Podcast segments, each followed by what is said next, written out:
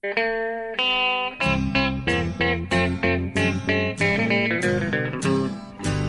out there, we're on the air. It's hockey night tonight. Tension grows, the whistle blows, and the puck goes down the ice. The goalie jumps and the players bump, and the fans all go insane. Someone roars, Bobby scores at the good old hockey game. Oh, the good old hockey game is the best game you can name. And the best game you can name is the good old hockey game. Hallå, hallå, hallå, hallå, hallå! Då ska ni vara fantastiskt välkomna igen till ett nytt avsnitt av NHL-podden. Det är sista innan eh, juluppehållet här. Eh, eh, I alla fall innan julhelgen skulle jag säga. Eh, Det 44 i ordningen i den här poddens historia och eh, Bjurman sitter som vanligt eh, på Manhattan och har det gött, eller? Ja, jag sitter med en kopp kaffe och ser att, och hör framförallt att det är en helikopter precis utanför. Så ni får ursäkta om, eh, om det stör ljudet. Du är ju så noga med det nu för tiden. det är en helikopter här. Men annars så är det bra. Ja. Eh, Jag ser fram emot julen väldigt mycket i år, faktiskt. Gör det? Ja, Extra mycket då? Ja, jag brukar inte... eh, Den brukar passera här utan att jag nästan märker det. Eller det ska jag väl inte säga, men utan att jag blir så engagerad. Men eh, i år så tycker jag det ska bli riktigt skönt med... Dels ska det bli skönt med ett juluppehåll. Dels ska det bli... Ja, det ska bli kul tycker jag. Och, eh, jag ser fram emot att det är eh, spelfritt i tre dagar också. Jag tycker jag behöver, ett, eh, behöver andas. Break, ja. Ja, vi, vi, vi får se hur, hur, vad, som, vad som händer med vår podd under julveckan också. Vi, vi ska få diskutera fram lite där hur, hur, eh, vilken, vilken dag vi kommer komma ut och hur, om vi, huruvida vi tar ett break också. Jag flyger iväg till Finland av alla ställen. Ja, du ska åka till eh, Pekarinnes och Teemu Selänes hemland. Ja, precis. Och då vet man inte riktigt vad som händer. Var kommer det sig? Du har finsk släkt? Ja, jag har faktiskt det. Jag har... eh, På min mors sida är jag från eh, Svensk-Finland, jag ska säga. Uppe i Österbotten. Ja. Ja. Det är lite så, här, så att eh, under julhelgen kommer jag liksom övergå till min Mark Levengood-svenska som jag har långt innan någonstans. Är det sant? Ja, det stämmer, men det får ni inte höra. Vad fan får vi inte höra det? Ja, det... det nej, okej. Ja, vi får se. Vi kan... Hur, vad betyder det?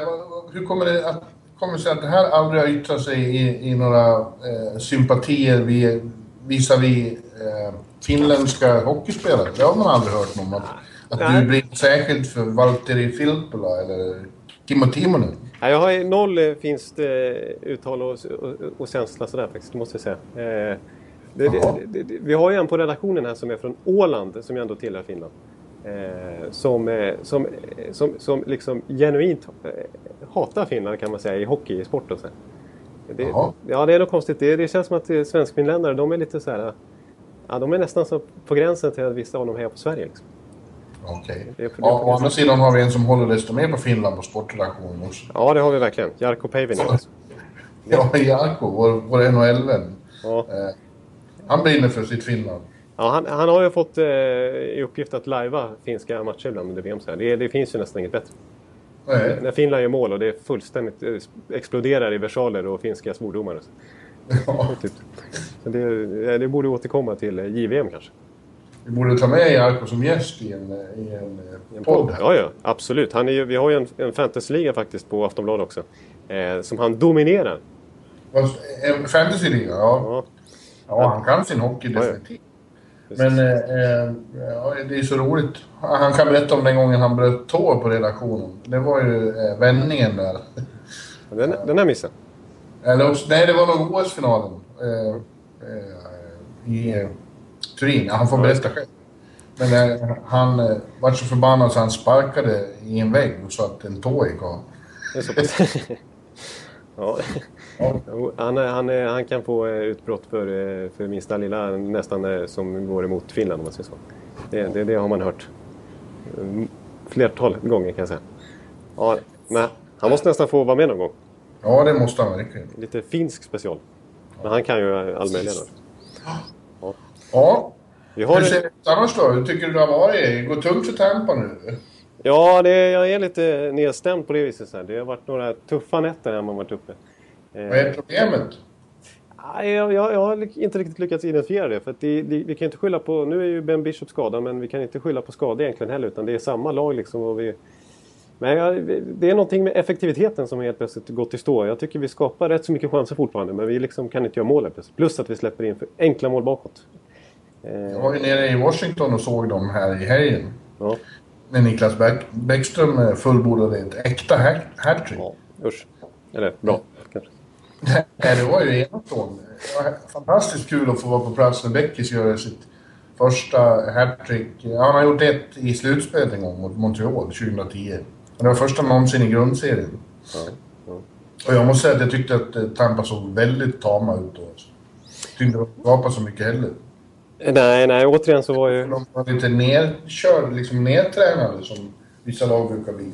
Ja, på något sätt. Det, det, det känns som att det är någonting sånt. Alltså. Det, plus brist på effektivitet, men inte bara det. Utan de är, eh, det kanske, eller så är det bara så helt enkelt att de har varit effektivare i, början av säsongen. För de är det lag som har eh, tredje högst eh, skottprocent i NHL, tror jag. Så det Ja. kanske slår tillbaka lite nu helt enkelt. De kanske, kanske har överpresterat lite. Ja, men, men det ser ut som vissa spelare är lite... Eh, Viktor Ja. har inte riktigt kommit igång liksom efter skadan. Nej, det har varit ganska mycket snack om att Hedman inte har varit riktigt den han var innan skadan framförallt och inte, inte riktigt för, som han var förra säsongen heller. Och även, eh, även om man gör mål och sådär så är kanske li, leadingkedjan framförallt Stamkos och Callahan var ju, har ju inte varit så bra på slutet heller. Eh, de gjorde ju, öste ju en mål ett tag där i början av november. Ja, det är dags att trada Stamkos. Ja, det är bara att skicka. Nej, det är ju lite läskigt där med Stamkos ska jag faktiskt säga med tanke på att han har bara ett år kvar på kontraktet efter det här. Och Ja. eh, då blir han unrestricted free agent. Så att, eh, Ja. det kan bli enormt eh, Stamkos-fokus nästa säsong om man inte eh, skriver på nytt kontrakt. Och det återstår ju att se för att det finns ju väldigt många lag som skulle tänka sig att knyta, åt, knyta till sig honom. Inte minst Toronto Maple Leafs. 29 till. Ja, Toronto kämpar med Stamkos andra hem, eller hur? Ja, det är liksom varenda gång vi möter Toronto borta så är- handlar det ju bara om att Stamkos minsann ska flytta dit. Var det vi nu igen? Ja, förlåt. Eh, eh, ja, Tampa Bay. Ja, ja. Men jag tror att det där kommer ordna sig. Det finns, det finns ju inget lag i år som har gått igenom serien utan att ha svackor. Nej. Nej. Några har börjat med svackor, andra har fått dem efter ett tag och några har dem nu. Och Tampa är ju ett av dem. Då. Ja. Jag tycker det har varit eh, anmärkningsvärt mycket så att ingen har varit riktigt bra hela tiden. Det är Anaheim har väl varit närmast och Chicago. Ja. Men de har inte varit klockrena.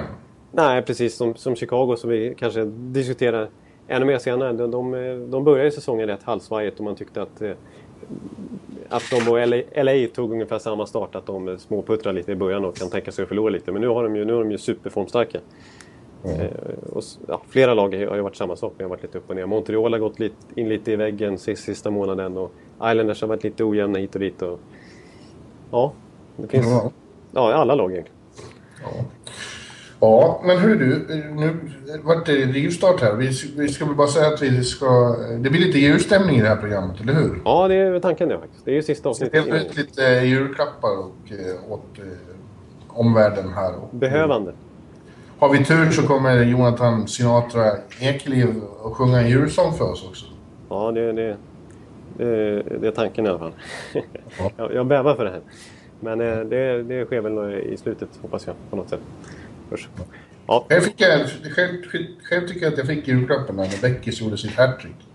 ja. Eh, När han hade gjort två så, så höll jag på och skrev i bloggen men nu ska vi se om han inte kan fixa det. Och så gjorde han mål direkt i, i början av tredje perioden. Ett, ett rent hattrick alltså, det var ju ingen emellan. Nej, det var tre raka baljor liksom. Som, Ja, och eh, ja, då skrattade jag rakt ut på, på, och slog i bordet på eh, pressläktaren. Ja. Och sa, jag var ju där själv Sven, och ropade, det var det jävligaste. Så regnade kepsarna över isen och så var det, var det väldigt roligt att prata med honom efteråt. När materialförvaltarna hade eh, burit in alla kepsar och lagt på hans plats. ja, just det. Jag såg någon bild där. Det var ju brutalt många kepsar. Ja, det blir några hundra där. Ja. ja, det var... Ja, men det undrar man hon- honom alltså. Barry Trotz som var på bra humör efteråt, han fick frågan om han har sett det någon gång förut och sa att ja, eh, eh, när, ja, vad hette han nu då, eh, gjorde första hattricket i Nashville någonsin.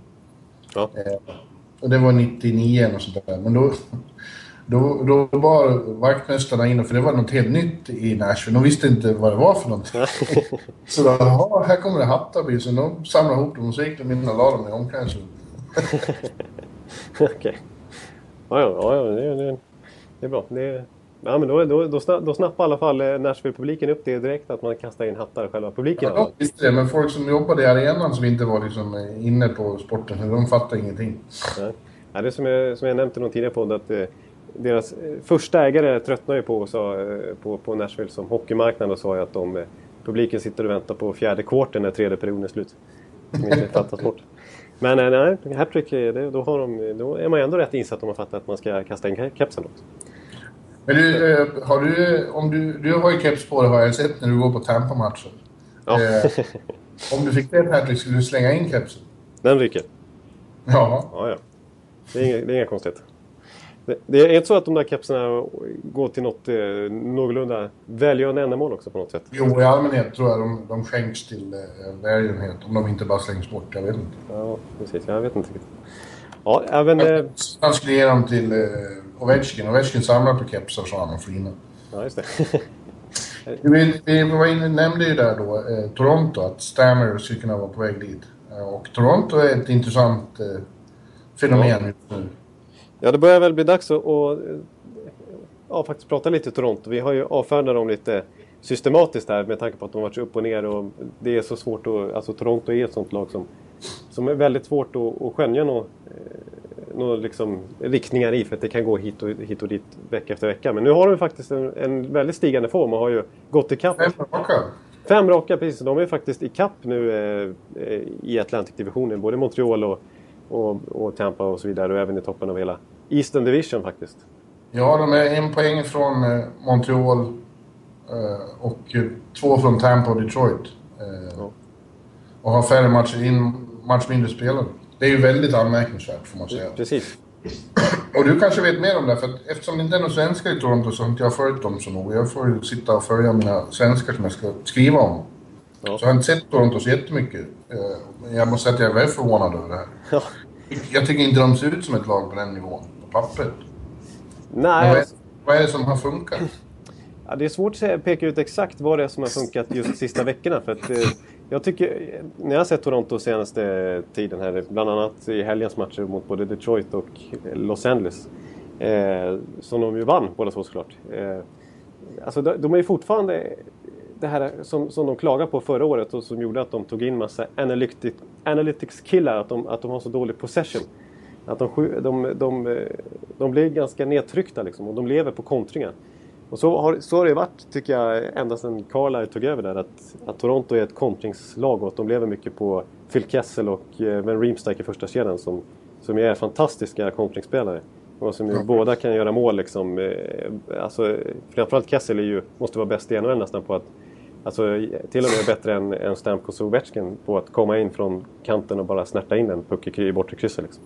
Ja, det är ett fint skott han får på i allmänhet då. Han har så quick release också. Han sa, Ja. Det är Leif Bork-ord, jag ursäktar men det är, han, han, det är så oannonserat när han skjuter. Jag förstår att målvakterna liksom inte riktigt hinner reagera. Det är de två som, som framförallt gör mål, eller hur? Det är Kessel och... Ja, eh, Kessel har 15 och Bran Reemstike har 13 redan så här dags. Eh, Så de är med i toppen av skytteligan faktiskt. Eh, Men sen så ska man ju faktiskt ge dem att... Ja, sen, sen är det väl många spelare av de här som, som har varit upp och ner de senaste åren som har varit formstarka nu. Alltså en sån som Nathan Tyler Bozak. Tyler Bozak som vi ju eh, nämnde som den bästa 42an för ett tag sedan. Eh, och även eh, Nathan Kadri har ju fått väldigt mycket cred senaste tiden. Att han har repat sitt spel, inte minst defensivt, och ju är med och bidrar återigen offensivt. Eh, Och en sån som Cody Franson ju. Ja, jag skulle just säga det. Det skrivs och pratas väldigt mycket om ex-Brynäsaren eh, Cody Franson. Alltså han var ju så urbota dålig i svensk hockey i SHL där i Brynäs där, den säsongen. Han, han var ju långt under förväntningarna. Han var mest en seg eh, typ som inte gjorde mycket nytta faktiskt. Eh, men eh, men den, förra säsongen gjorde han det helt okej och det var ju lite kontraktsbråk och han ansåg sig vara värd högre än man var och Toronto och det var hit och dit. Eh, men så fick han ju till slut ett ettårskontrakt tror jag. Eh, som ju kommer att omförhandlas i sommar. när Han lär ju få en ganska bra lön för att nu är han ju riktigt bra. Framförallt så så, så producerar han ju väldigt mycket framåt. Och han har ju också, med tanke på Kessels skott, så har ju Cody Franson ett helt unikt sätt att avsluta också. Som är, jag, jag vet inte om jag har sett någon spelare skjuta på samma sätt. För han har ju ett av NHLs hårdaste skott. Eh, han är ju född i, i samma... Eh, runt kring samma källor, eller man ska säga, som Shea Webber. De kommer ju från en liten, eh, liten skitstad i västra Kanada där. Eh, Sycamore eller något sånt. Eh, och med grejen med Cody Franson Scott är att han har ju ingen baksving. Utan han, han har ju bara en framåtsving. Han, han, eh, han skjuter ju utan att dra bak klubban nästan när han, när han kör. Och därför kan han skjuta extremt snabbt. Eh, det blir extremt snabba liksom, direktskott. Men eh, också väldigt sådär, oannonserat. Plus att han har, som sagt har stenhårt skott trots detta. Så han har gjort en hel del mål. Och en hel del framspelningar också. Men enårskontraktsmannen, han skriver alltid ett år i taget. Men nu, nu är det dags för något större. Det borde ju vara det. Om Toronto eh, väljer att prioritera honom. De har ju ganska mycket. De ligger ju faktiskt, trots att de ett, har varit ett mellan, mitten, bottenlag nästan i senaste åren, så har de en ganska hög lönepost. Så att säga. Eh, ja. Så att eh, det är om de prioriterar Fransen. Men det borde de nästan göra med tanke på att han är ju deras kreativa kraft på blå linjen. Liksom. Men du, låt mig om detta ändå säga att även om jag inte har följt dem så nära då, så är mitt eh, stout-tips att eh, det kommer, och, det kommer en, ett ras förr eller senare. Som det alltid gör med Toronto. Ja. jag tror att det är inbyggt i eh, det här lagets DNA i, och i Randy Carlyles eh, eh era här. Eh, att det, plötsligt, nu tror publiken i Toronto att det är klart att de är, är eh, med Stanley Cup-contender. Men sen kommer det en månad när de knappt kan spela hockey överhuvudtaget. Alltså jag vill påminna om att de såg rätt bra ut vid den här tiden i fjol också. De vann, jag kommer ihåg när de vann, de slog ju Detroit i, i Winter Classic.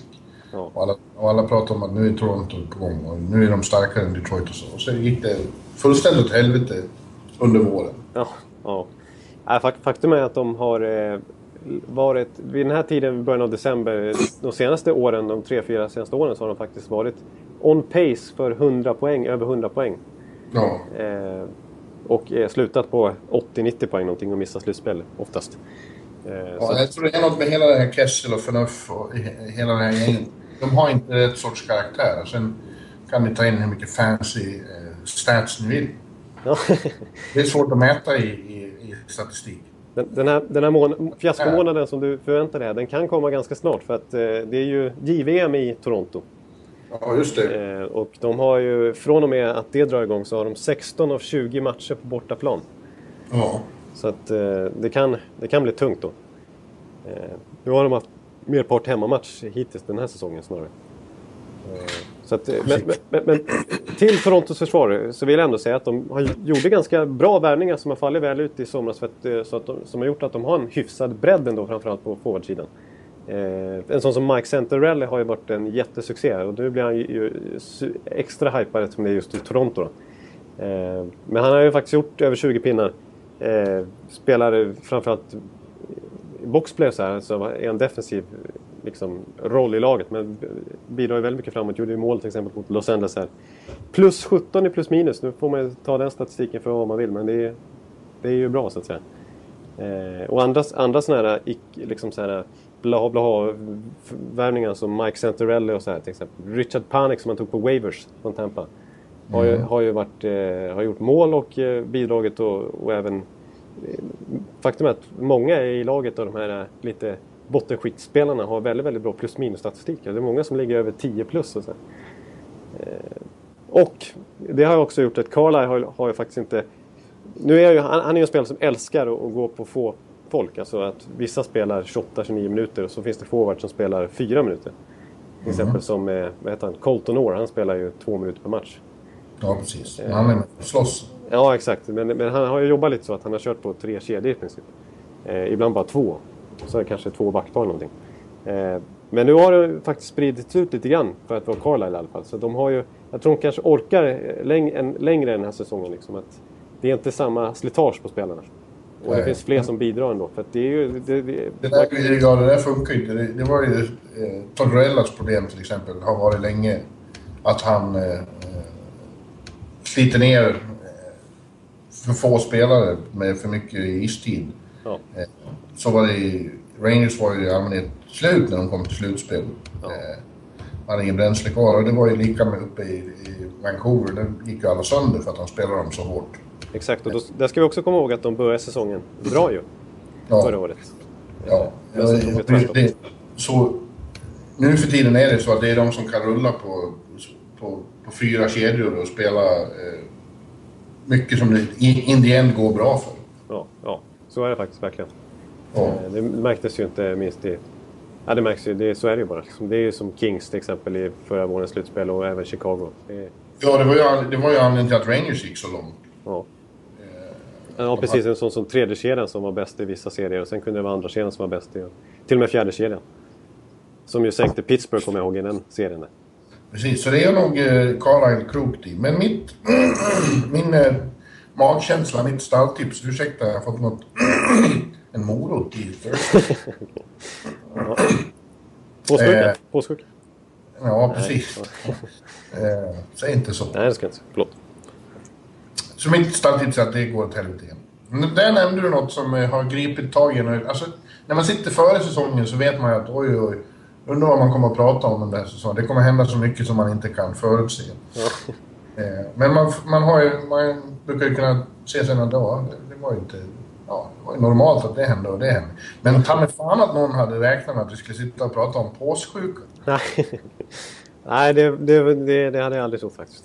Som sprider sig som en epidemi eh, genom NHL. Eh, eh, Ja, det, Det är helt, helt sanslöst. Ja. Påssjuka hör man ju sådana i din ålder som frågar vad är det för någonting? Ni vet inte ens vad det är, eller hur? Ni har aldrig, ni har aldrig haft kamrater som har haft påssjuka. nej, nej. När jag var liten så var det ju en, en rätt vanlig barnsjukdom. Det var ju, man fick eh, mässlingen, man fick eh, vattkoppor, man fick röda hund och så fick man eh, påssjuka. Eh, Har du fått det? Har du haft det?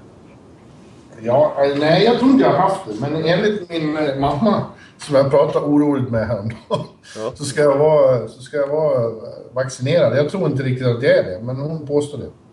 Nej. Eh, och Jag tror inte jag har haft det. För har man haft det, då, då är man eh, immun sen. Ja, det har jag förstått också. Ja. Man får inte en.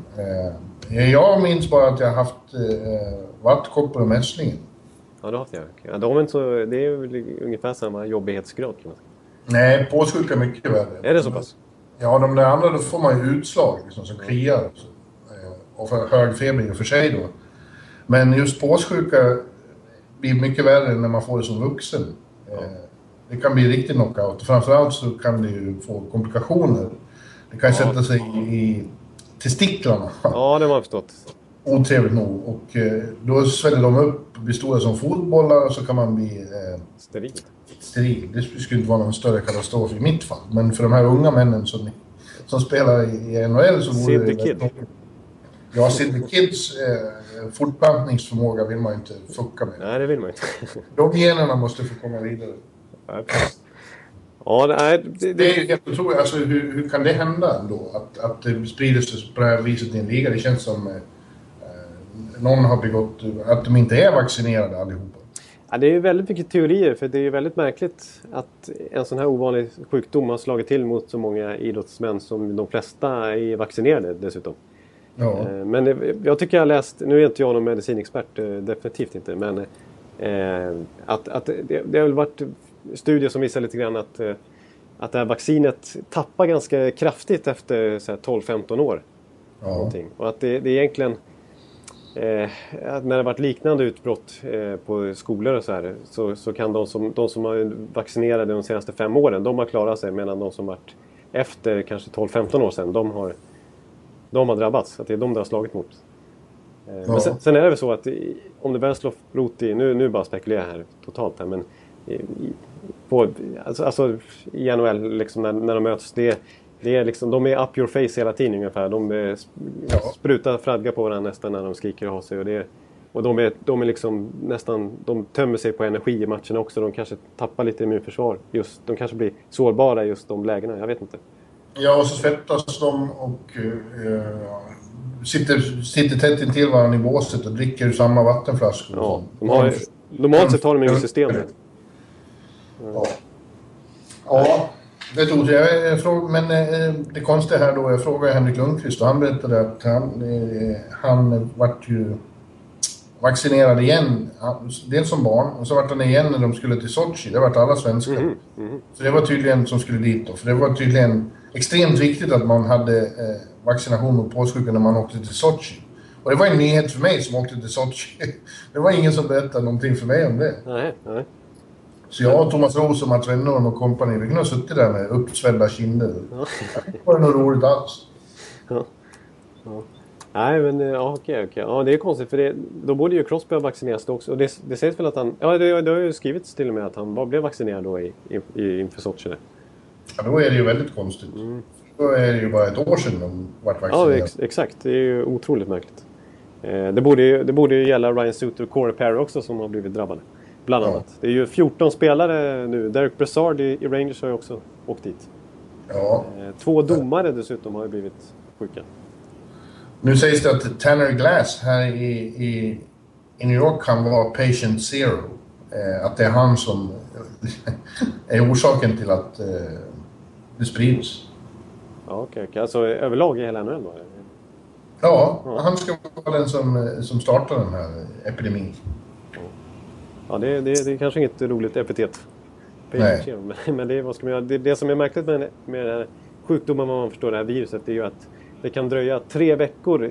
Eh, det kan halva runt inne i kroppen i tre veckor innan det ger utslag så att säga. Inkubationstid kallas det. Ja, där hittar du. Där, okay. ja, sånt där kan inte jag. Eh, så att det, det kan ju vara så att det är flera spelare till som går runt med det här viruset utan att veta om det. Så kanske blir sjuka framåt julhelgen höll jag på att säga. Än så länge är det inga journalister som har insjuknat. Vi bara väntar på det. Då slutar jag gå på hockey. Ja. Då blir det TV. Ja. ja. Ja, det är... Det är... djur, då jävlar alltså. Då ska jag stämma NHL. Ja, det, det, det, kan man, det kan man ju nästan göra. Det är intressant. Uppe i godo, en miljon dollar tack. Ja, det ska, det, då, vet du, då kan du få din önskedröm där att du skulle köpa Detroit Red Wings eller vad jag såg i något. Ja, ja det, får inte, det, är inte, det är inte ut än. Det är inte publicerat än? Nej, ja, Tyst du. Ja, usch.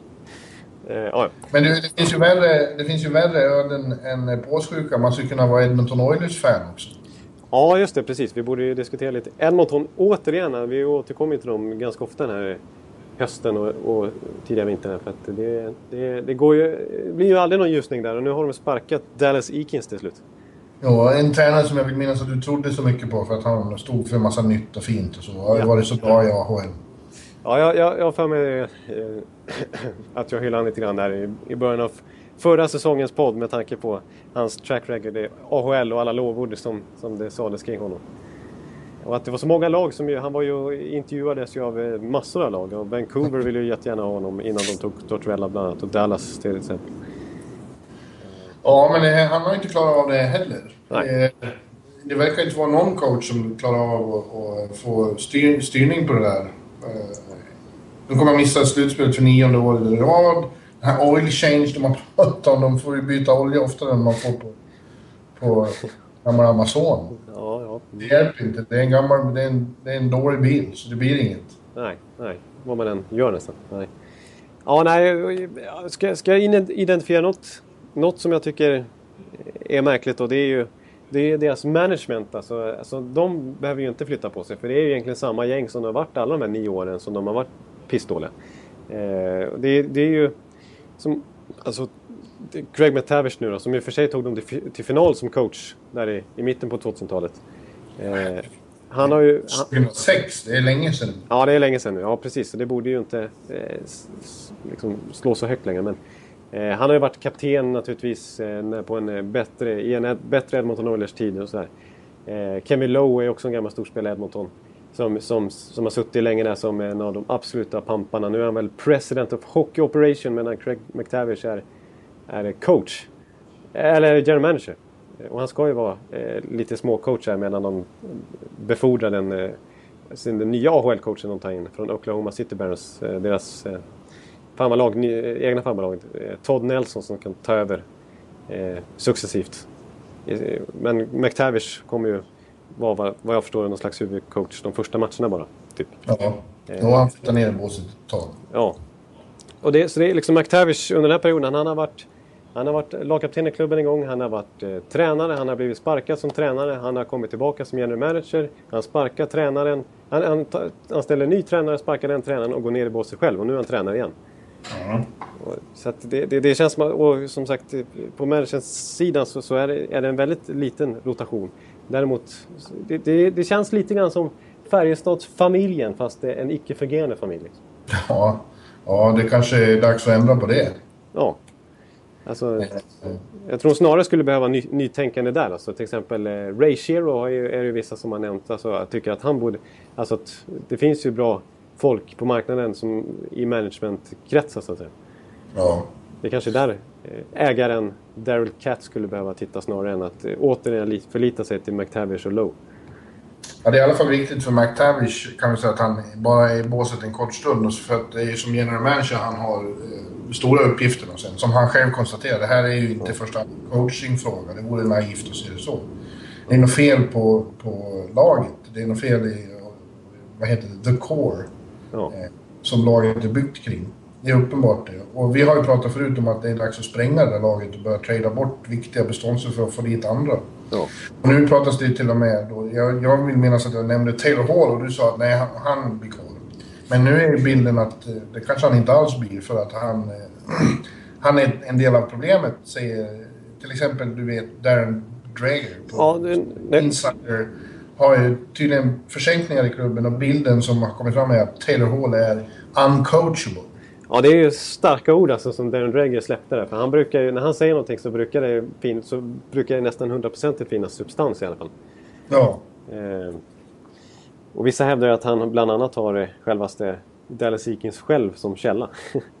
ja just det. Så att, eh, att, att, att Taylor Hall helt enkelt är... eh, Ja, att han vill köra sitt eget race och liksom... Att han, han, han är svår att, att manövrera över. Han är ingen bra ledare liksom. Han är Nej. ingen spelare som bär ett lag. Han är inte kapabel för den uppgiften som Edmonton står inför och har stått inför i flera år. Precis. Och visst, jag, jag gillar ju Taylor Hall som spelare sådär för att eh, han är ju en, ändå en kille som har producerat väldigt mycket poäng senaste åren i, det här, i den här omgivningen. Eh, men eh, och jag tycker det är från och till i alla fall att det lyser lite kring honom och att han har liksom den passionen och eh, drivet i sig. Men samtidigt så, så har han ett rykte om sig, inte bara efter vad Darren Drager sagt utan i flera år och även innan han kom in i NHL att vara ganska dryg lite sådär alltså. att vara ganska självupptagen och liksom eh, ha en ganska taskig attityd gentemot coacher och sådär. Ja. Eh, så att jag, kan, jag, jag blir inte helt förvånad heller av den här Drager-bomben. Nej, men då är det dags kanske att trada. Men nu säger Dreger då att eh, det blir ju tidigast uh, vid trading deadline, men förmodligen eh, snarare i, sommar när man i allmänhet får mer för den sortens uh, stora namn. Precis, det, det är väl ändå så att klubbarna liksom är, inte är, lika benägna att göra sådana stora, stora moves som ju drabbar lönetaksstrukturen på ett eh, betydande sätt också mitt under säsong. Utan då, det brukar man vilja justera lite mer i lugn och ro. Ja. Men, eh, Men en sak som inte har nämnts här, eh, som är elefanten i rummet skulle jag vilja säga, det är ju att det väldigt, har blivit på senare decennier svårt att få folk att vilja flytta till Edmonton. Eh, det är en ganska avlägsen stad i, i, på prärien i Kanada där det är svinkallt och inte händer så mycket och faktum är att eh, eh, dagens spelare har blivit, är kanske lite mer bekväma och har lite mer eh, koll på, på, på världen. Medan det, eh, på liksom 70-80-talet så var det var så stort att spela i NHL så man inte ens funderade på sådana saker på, som var man bodde. Men det tror jag dagens spelare gör. ja. Eh, och det har ju visat sig att det är otänkbart för många som är free agents och så att flytta till Edmonton. Eh, så de har ju lite det emot sig också. ja, faktiskt. Och när de väl har liksom lyckats knyta till sig några halvtunga namn, det har ju inte varit några riktigt tunga namn, absolut inte. Då har det varit för grossly overpaid summor, alltså typ som Ja, det, det, helt enkelt, det krävs det helt enkelt. Ja, för att få dem dit. Och det är samma sak med Calgary och Winnipeg också till exempel. Alltså som är, har ungefär samma klimat. Ja, men jag tror att det är ännu svårare just i... i Ja. Allra nordligast ja, jag tror Edmonton är de som... Ja, Winnipeg såklart. Det är inte, kan inte heller vara lätt. Men, eh, ja. Eh, tufft. Och då får det sluta med att man får ge sådana som eh, Polio eh, alldeles för mycket pengar. Ja, precis. Alltså det, exakt. Och det enda liksom lite prestigespelare man kan säga att de har lyckats knyta till sig av egen maskin. Eh, sådär, det är ju Justin Schultz. Som ju 29 lag kontaktade ungefär och alla ville ha honom. Eh, när han gjorde gjorde sån enorm college-succé, backen. Eh, och så valde han Edmonton av alla lag. Och han har ju blivit en jätteflopp. Eh, och det, det, det bästa tyder väl på, nu ligger ju Edmonton i säsong är ju körd. De har ju bara 19 poäng. Det är ju massor med poäng upp till slutspel. Så de kan ju... Det är, det är ju det är ju snack om att det är lika bra att bara tanka som man säger. Alltså eh, lägga sig. Och försöka få Conor McDavid. Men det skulle vara så otroligt tråkigt också om, om en, ytterligare en, en av de här absolut generationstalangerna helt plötsligt ska, ska hamna i Edmonton. För det är ju ingen av dem som har lyckats än. Nej, precis. Man är ju inte sugen på att se Conor McDavid i Edmonton. Det är inte jag i alla fall. Nej, Det, det, Nej men det, är- alltså det, jag är ganska säker på att det här kommer inte att gå att vända på den här skutan nu, i år. Nej. Så det, det finns... Nej visst, de kommer att ta honom igen. Det vore tragiskt om ytterligare... Det är helt rätt. Ja. Eh, vad har de? De är Taylor Hall, eh, eh, Jakobov, Nugent Hopkins. Nugent Hopkins. Eh, det blir ju ingenting. Nej. Ja. Tror du att de hade varit mycket större om de hade spelat i bättre lag, de här vi nämner? Tror du Taylor Hall hade varit succé i... eh, I don't know. Chicago? Ja, det hade han. Ja, det, det tror jag faktiskt. Alltså, ett lag där han inte måste vara... Där det inte ställs lika höga krav på hans karaktär, så att säga. Utan mer på hans spelstil. Ja. För att han är ju en, en, en, en, en otvivelaktigt väldigt, väldigt duktig hockeyspelare. Men, eh, han har inte benägen uppgiften helt enkelt att bära upp Edmonton ur gyttjan. Liksom. Och det, det är ju nästan så med alla de här som draftas först. De hamnar ju i, liksom, i dåliga lag. Ja, men jag skulle just komma till det. Alltså, eh, många lag som är stora idag. Vi, vi har eh, Chicago, LA, St. Louis. Eh, de har ju varit nere i, och Pittsburgh med. De har ju varit nere i den här skiten. Eh, men har haft snabba turnarounds efter att ha draftat bra och blivit storlag.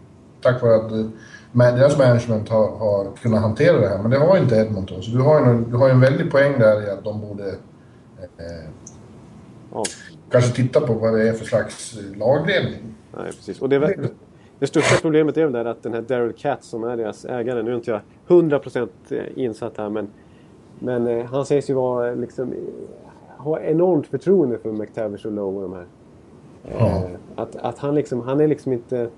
Det, det, de är så tajta de där så att han är liksom... Det ska mycket, väldigt mycket till för att han ska liksom eh, vilja peta bort någon av dem. Hans killar liksom. Jo, det blir ju. Det är som här i New York där, där ägaren Dolan har sagt att eh, Glenn Sader, han sitter för livet om han vill. Han bestämmer själv när han slutar. Ja, ja nej, men det är... Vad som än händer. Det är liksom lite, ska man säga, lite svågerpolitik på något sätt. det är ju. Ja, det är tråkigt på så många sätt. Ja. Normally, being a little extra might be a bit much, but not when it comes to healthcare. That's why United Healthcare's Health Protector Guard fixed indemnity insurance plans, underwritten by Golden Rule Insurance Company, supplement your primary plan so you manage out of pocket costs. Learn more at uh1.com. Jaha, vad har du med på din agenda idag då, Ekan? Ja, ett, ett lag som, som, som, som det gått betydligt sämre för än vad vi, vad vi förväntade oss i början av säsongen. Jag hade dem... Jag, jag vill eh, kanske få skämmas lite. Jag för mig att jag tippade dem oförskämt högt. Alltså nästan som en Stanley Cup-kandidat. Det var ju Boston Bruins. Ja, jag tror att jag har varit inne på sam, samma eh, tankebanor. Jag törs inte titta på vad jag sa om dem förra säsongen. Nej, jag, jag har inte koll- dubbelkollat det inför det här avsnittet. Jag visste att vi skulle prata om Boston, men jag ville liksom inte. För att, men för, som det är läget just nu, det är absolut inte som för Edmonton på något i nära, nära vägar. Men, men det ser betydligt sämre ut för Boston än vad det gjort de senaste åren. De har ju nästan känts eh, ligga på eh, samma nivå som Chicago och Boston. Eh, eller Los Angeles nästan. Ja. Eh, Nu är det efter 30 spelade matcher i Boston under slutspelsstrecket. Ja. Det är ju väldigt anmärkningsvärt. ja.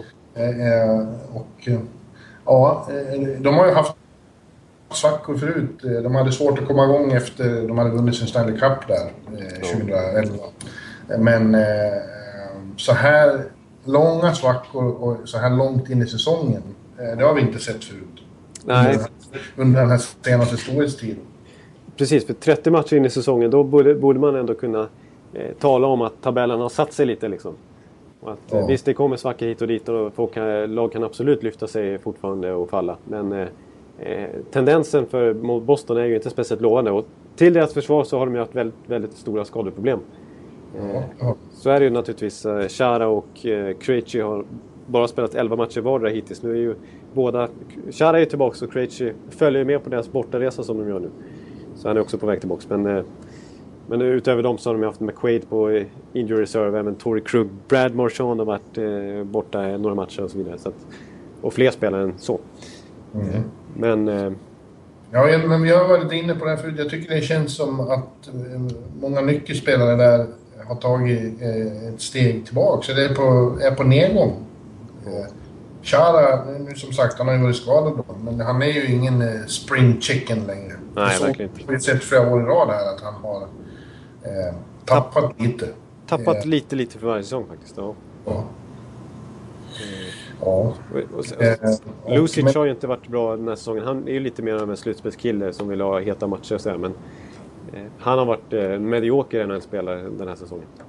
Ja, även Marchen som har varit så viktig tidigare år. Ja. Och faktum är att, att Patrice Bergeron, som inte heller gör någon supersäsong, absolut inte. Han, eh, han är deras poängbästa spelare på 83 plats i NHLs poängliga totalt sett. Ja. De... Han är inte speciell. Alltså jag har svårt att tro att Bergeron är på väg ner på något vis. Det är ändå en så pass eh, fantastisk hockeyspelare. Ja. Eh, men eh, om omgivningen inte är bättre än vad den var just nu, då är det svårt på egen hand att eh, bära ett lag eh, i den här hårda konkurrensen. Ja, precis. Eh, men ja... Jag tror fortfarande att det kan hända, men jag har också förstått att eh, Claude Julien är väldigt besviken på inställningen hos, hos många. Eh, han tycker att, eh, att det, ja, de har, de har liksom tappat mentalt också. De tror inte på sig själva riktigt längre. Nej, för, för, det har ju varit väldigt signifikativt för Boston, alltså det, den här inställningen och den här, den här eh, arbetsviljan i 60 minuter. Ja. De har ju ofta lyckats, liksom, nu blir jag svengelsk igen, men wear down sina motståndare. Liksom. Och, och, och, verkligen trycka till i, i tredje perioden.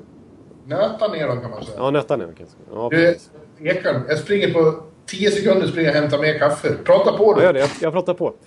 Mm. Ja, men, typ, typiskt Boston tycker jag också varit att de eh, ofta tagit uddamålssegrar liksom, på det viset att de eh, orkar kämpa i alla 60 minuter. Nödvändigtvis så går de inte in och, och trycker till sina motståndare med 3-0 i första perioden. Men de lyckas ändå vinna matcher. Eh, och det har de inte gjort i år. De har faktiskt... Eh, hälften av deras 30 matcher hittills har varit uddamålsmatcher. Men de har förlorat merparten av de här uddamålsmatcherna i år, snarare än vunnit dem. Ja, man, man, har ju, man saknar att se det här som jag tyckte var så eh, signifikativt för Boston när de kommer i de här ohyggliga pressen de kan sätta i, i anfall ibland. När det känns som de är en jävla ångvält bara i, ja. Ja. Det har varit otroligt vilken, vilken tyngd de har haft i de här anfallen. Ja. Ja, precis. Det, det är som vi har hyllat dem, att de har liksom allt i de där anfallen. Att de har tyngden och de har farten och de har spelskickligheten. Liksom, som är i princip ostoppbart. Eh, när man kan kombinera sådana egenskaper med varandra. Ja. Eh, men eh, sen får man säga att, eh, att, en, eh, ja, att deras... Ja, de har ju haft väldigt bra management eh, i Boston länge. Det är därför de har, har, haft den här positionen som, som ett topplag i NHL flera år. Men nu har de ju faktiskt klantat sig lite med tanke på att de har haft svåra lönetagssituationer de senaste åren. Och fått avyttra sådana som Joe McGinda till exempel. Och, och, men framförallt då den här Tyler Seguin-traden. Ja, den, den, den eh, har visat sig vara inte varit särskilt lyckad. Den måste de ju gråta lite över. Ja. Den är så, men jag tror ju... Eh, jag var inne på det några gånger, att ibland så är det spelare som betyder mycket mer än vad man tror när man bara ser hockeymatcherna. Ja. Eh, och vi har... Eh, att, att eh, Johnny Boychuk var viktig kunde man ju i och för sig förstå då. Men kanske inte så här viktig, men han har ju lämnat ett enormt tomrum efter sig. Precis, och nu, nu kan man säga att eh, ja, hade, hade Boychuk spelat i... Nej, nu, nu, nu tar jag i, men... Eh, men på något sätt känns det som att Boston och UK Islanders flyttar plats lite grann efter den här Bojack-traden. Ja, lite, men kanske inte så dramatiskt. Nej, inte så, inte så dramatiskt naturligtvis. Men, men eh, Bojack har ju verkligen uppenbart lyft Islanders medan han uppenbart ja. eh, har lämnat ett tomrum, tomrum efter sig i Boston.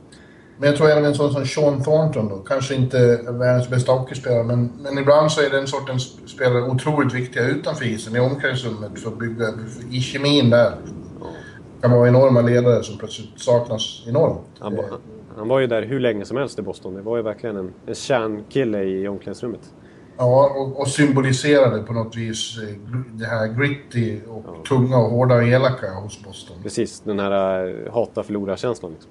Ja. ja, han var en riktig krigare. Eh, så jag tror att det är lika viktigt som att Seg- Seguin, han var ju inte så här bra i Boston. Nej, alltså Han passade ju inte lika bra i det systemet som han gör i Dallas just nu då, inte särskilt framgångsrika system. Nej. Och det, det, ja, han leder ju hela NHLs poängliga just nu faktiskt. Säger. Eh, Men, men samtidigt så kände jag, det är som du säger exakt, alltså när, när väl, väl den där traden gjordes då var det otroligt mycket snack om att de skulle trada Tyler Seguin. Och att han faktiskt inte funkar i det där. Och han, framförallt så var han ju inte bra i slutspel nej. eh, i Boston. Så det var ju liksom inte jätteförvånande då. Och man tyckte väl utbytet var ganska bra med tanke på att dels då Louis Eriksson som ju har blivit hittills lite av en flopp får man säga. Bara Ja, det, det har inte funkat riktigt för... Om man jämför Seguin och, och eh, eh, Louis sedan traden så har Tyler Seguin gjort 60 grundseriemål medan Louis Eriksson har gjort 15.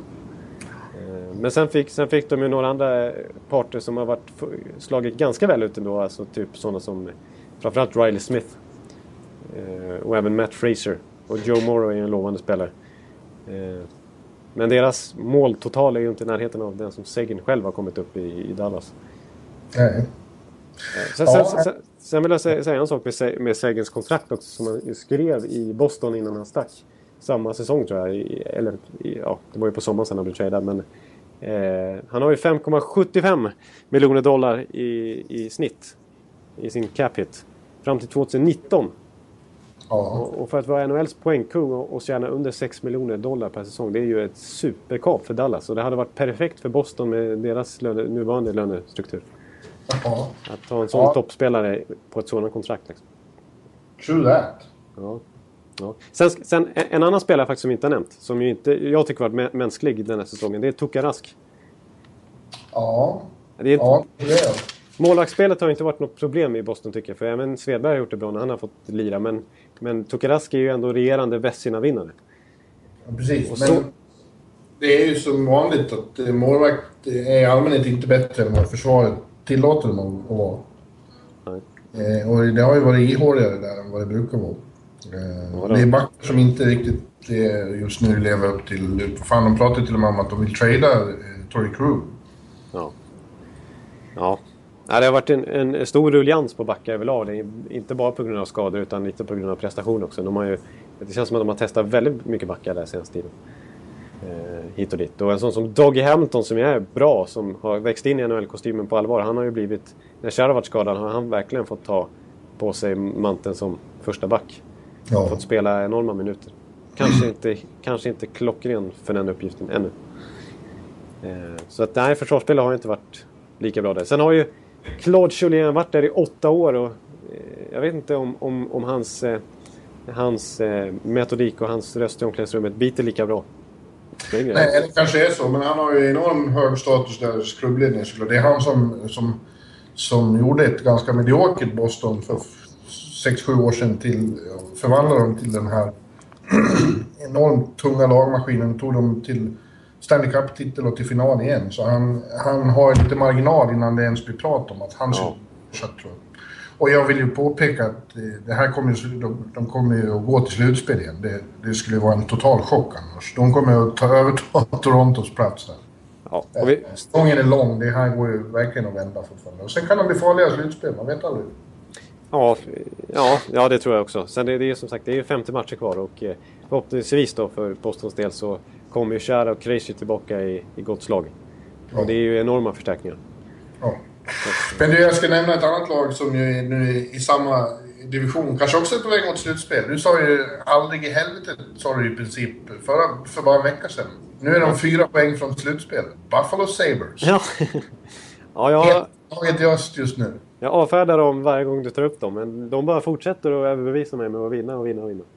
De är tillsammans med Toronto hetast i East just nu. Ja. Fyra raka segrar, sex raka hemmasegrar. Tio segrar på de senaste 13 matcherna. Ja, det, det, det är siffror som i- faktiskt säger någonting. Alltså. Om det här håller i sig, då är Ted Nolan, får han Jack Adams, så det skriker om. Ja. Snacka om att förändra ett lag förändra kultur. Och, ja, jag sa ju förra veckan, Jonas Enroth berättade att det handlar om självförtroende och momentum och spinna vidare. Framgång ger framgång, som den gamla klyschan lyder. Ja. Nej, men det, han, det känns som att, att Ted Nolan, han var, blev ju direkt eh, ganska omtyckt där bland spelarna och, och bland klubbledningen alltså när han tog över eh, mitt under förra säsongen. Eh, att man tyckte att det, det här, för då var det lite interimlösning på honom. Men, men eh, nu, är det ju liksom, nu är ju han deras coach, inget snack. Eh, mm. Och jag tycker han, jag, jag är imponerad. Alltså, matcher jag sett med Buffalo till exempel. Att, då, då har man själv suttit med lite med inställningen att eh, Buffalo, ni kan ju lika gärna tanke här. För ni ska ju ändå, ni vill ju, folk på läktaren sitter ju med Conor McDavid-tröjor. Ni ska ju förlora, de vill ju att ni förlorar. Men han har, han har ändå liksom eh, coachat alltså stenhårt. Eh, liksom, eh, alltså, verkligen så här, vilka spel som ska spela mot dem och hit och dit. Och så här, varianter vid tekningar. Att till exempel den bortre forwarden åker och byter så att en annan hoppar in så att han kan få ett friläge om de slår en pass som funkar. Alltså väldigt aktiv coach.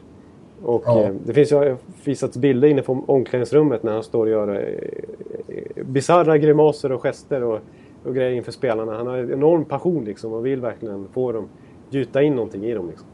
Och det börjar ju ge frukt nu faktiskt.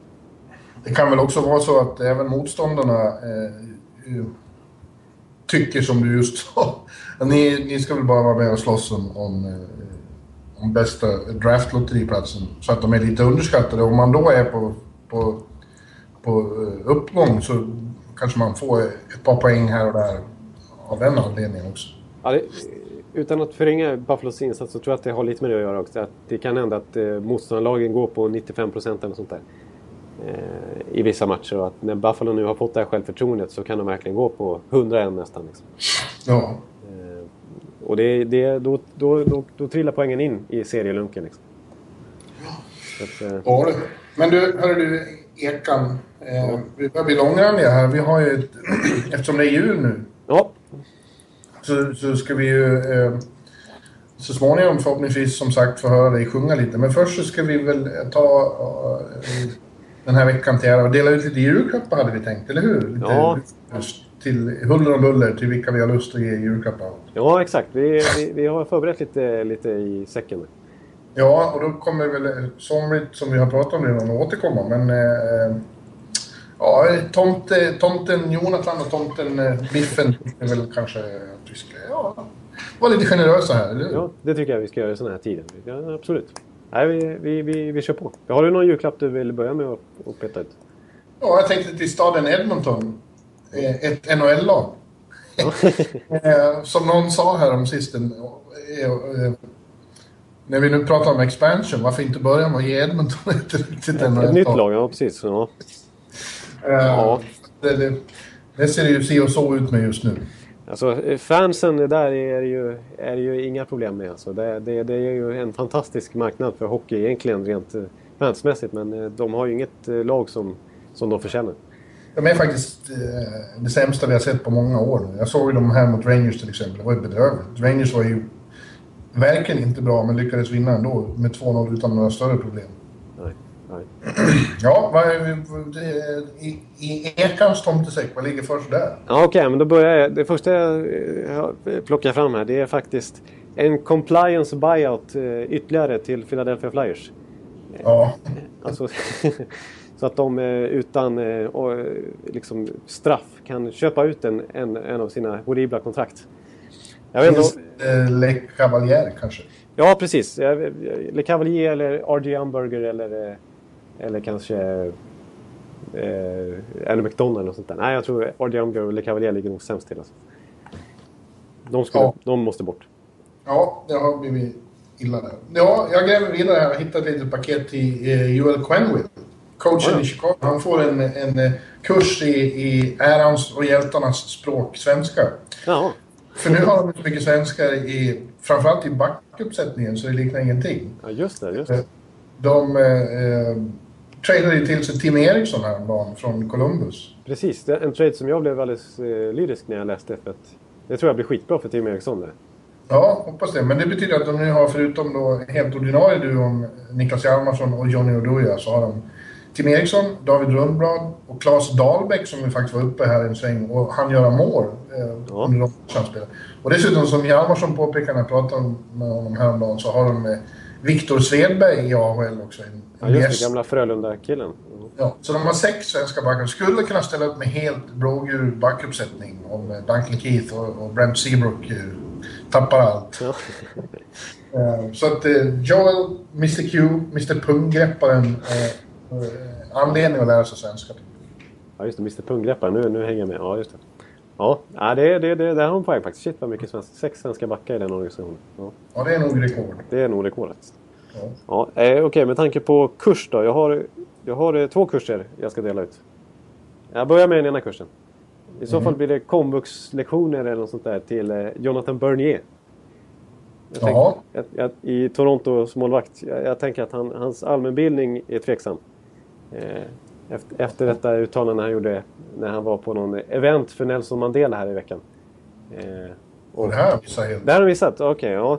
Eh, det var ju ett event för Nelson Mandela vad jag förstår.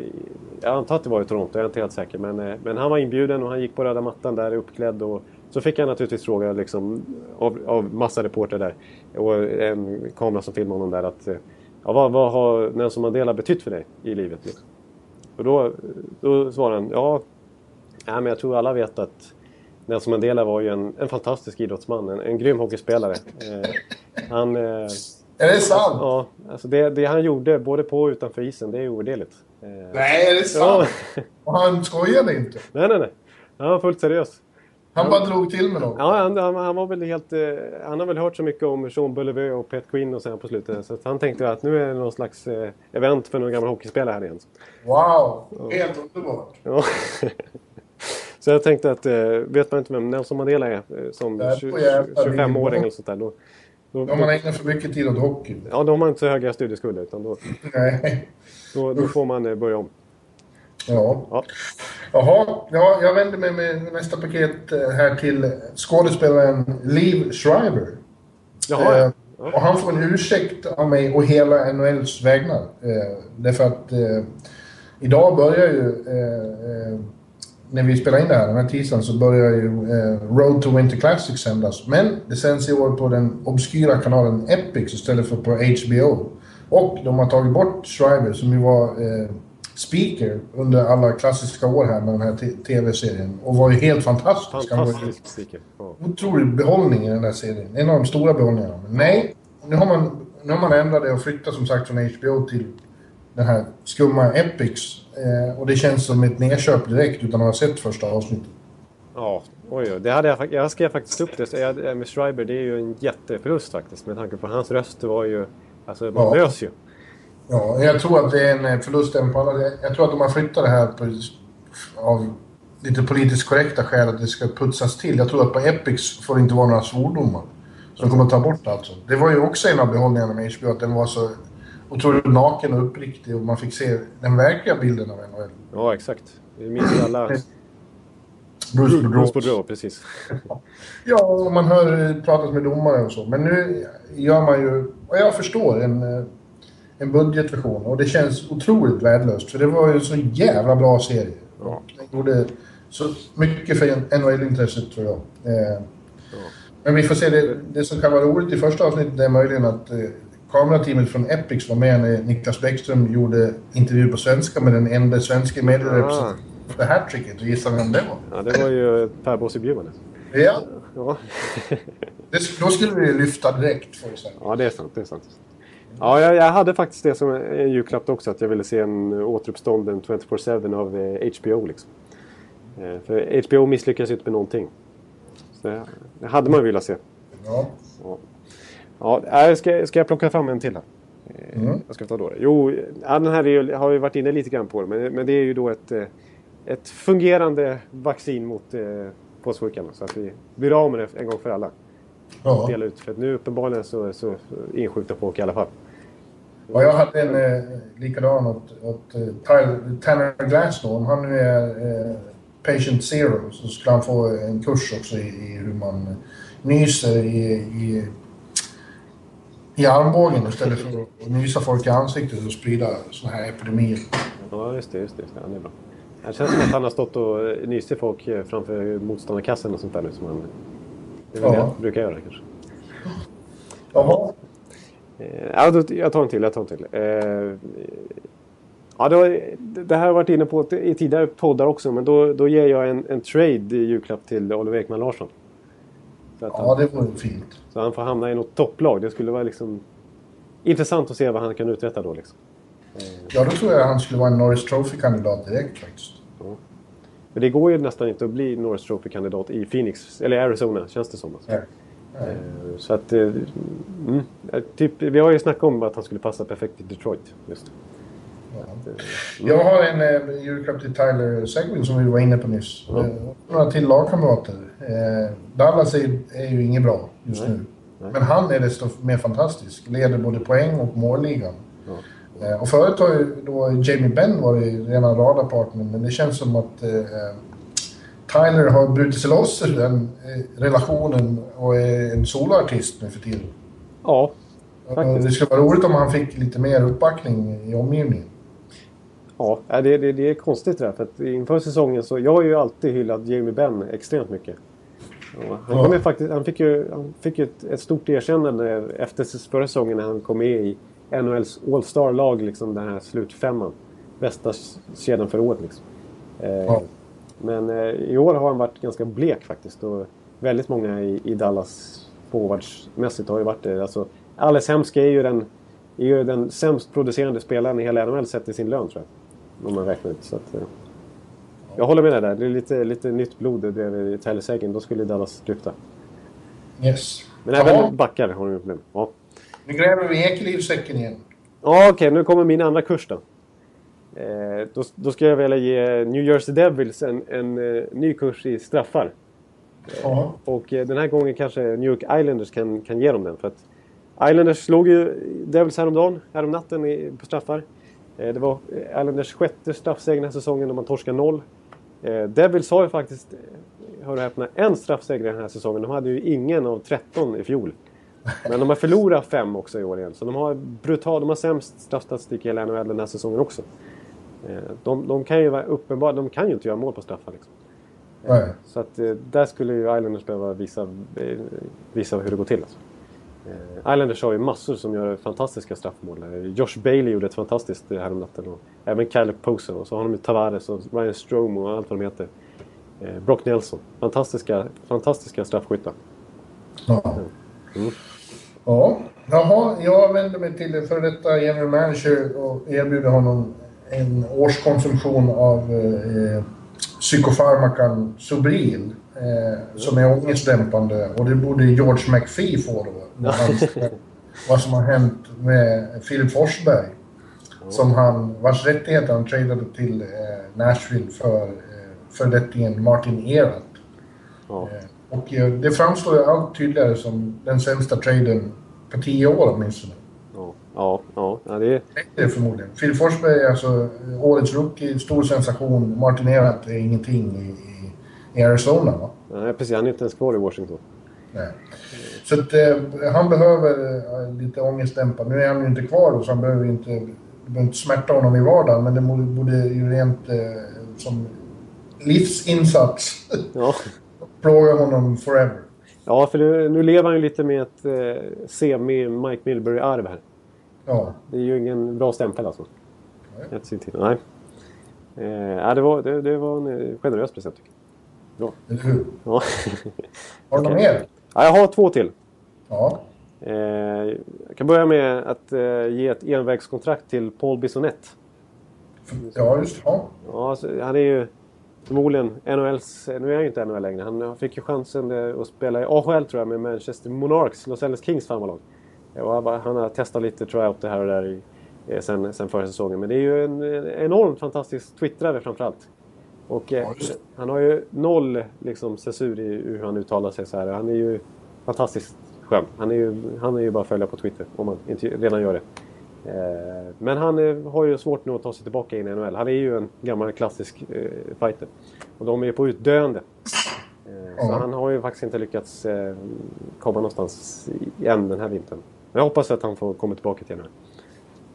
För han är, Ja. underhålls, underhållsvärdet är ju, är ju högt. Yes. Ja, min näst sista går till Florida Panthers och det är en ny adress och ny arena inne i, på Miami Beach. Det har vi pratat om förut. Men jag tror att om, om de fick det, om de fick bo någon annanstans än ute i det där träsket i, i Sunrise så skulle Florida Panthers kunna bli en, eh, eh en eh, succésaga. Ja, faktiskt. Med, med sitt nuvarande lagbygge och all talang och eh, allt bra som faktiskt finns där. Ja, nu, det har du helt rätt i alltså. Eh, det har vi ju varit inne på förut, men, men jag håller med dig. Alltså, det, inte bara för publikmässigt utan även för spelarna tror jag det skulle vara ett jättelyft att, att få hålla till där i, inne i smeten istället för ute i börsen, höll på att säga. Ja. Eh, för att eh, de har ju haft ett problem också att, att de har tappat många genom, genom Floridas liksom, totala liksom, livstid. Att, att många, när de har legat i botten så har de, och kunnat drafta höga draftval och så, här, så är det många som har lämnat efter sin entry level-period. Eh, för att de trivs inte riktigt där. Men skulle de få hålla till på Miami Beach, liksom, då vem skulle inte trivas då? Ja, men jag, inom parentes så tror jag att de kommer gå till slutspel. Och vet du vad som kommer hända?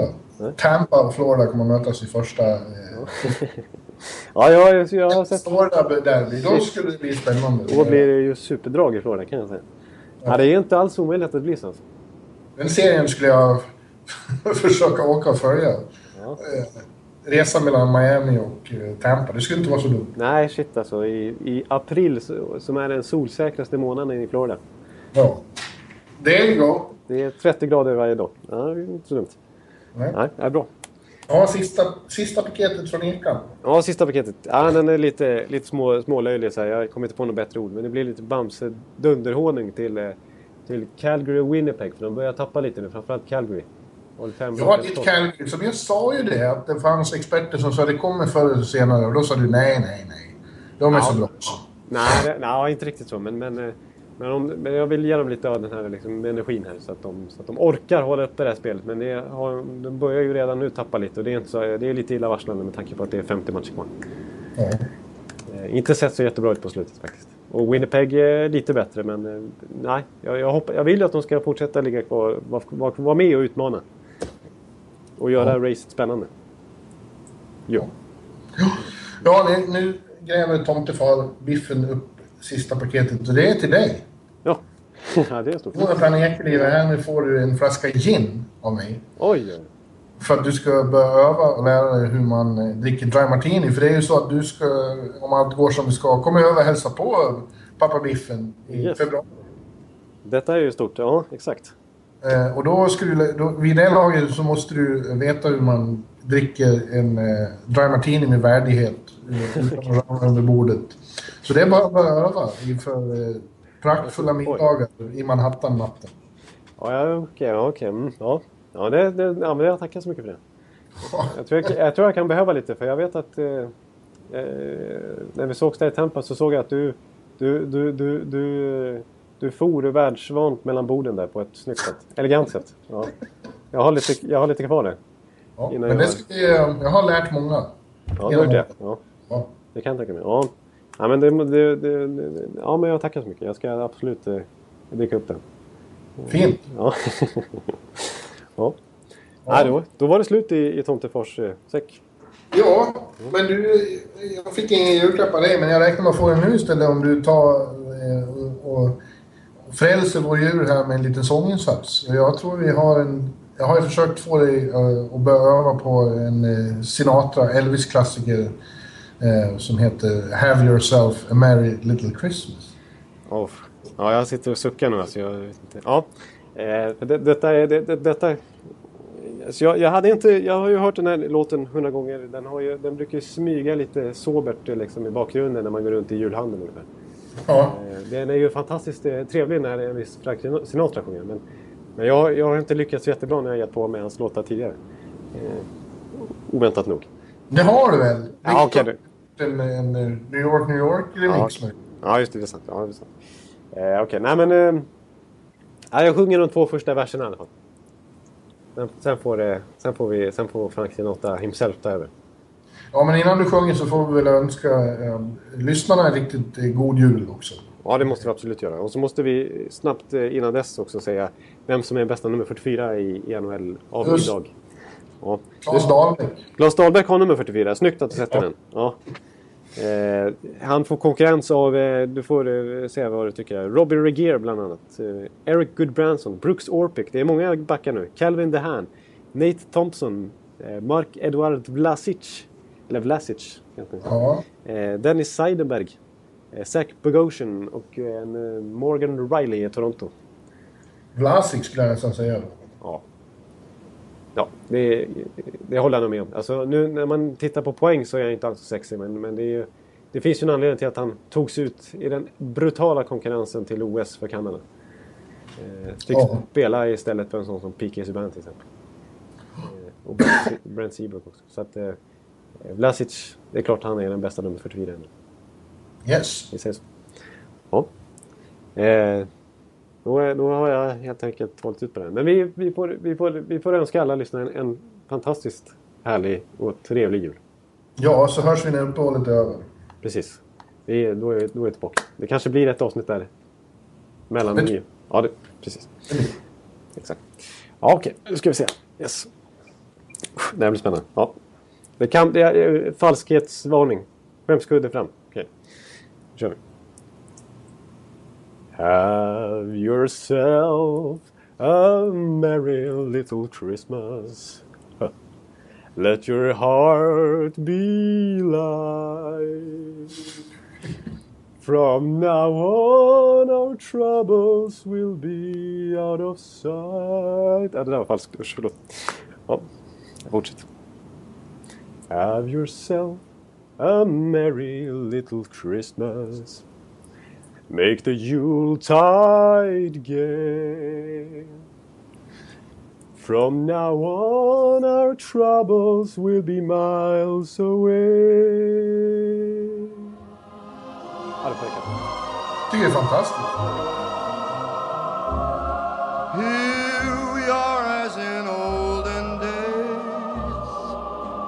Happy golden days of yore.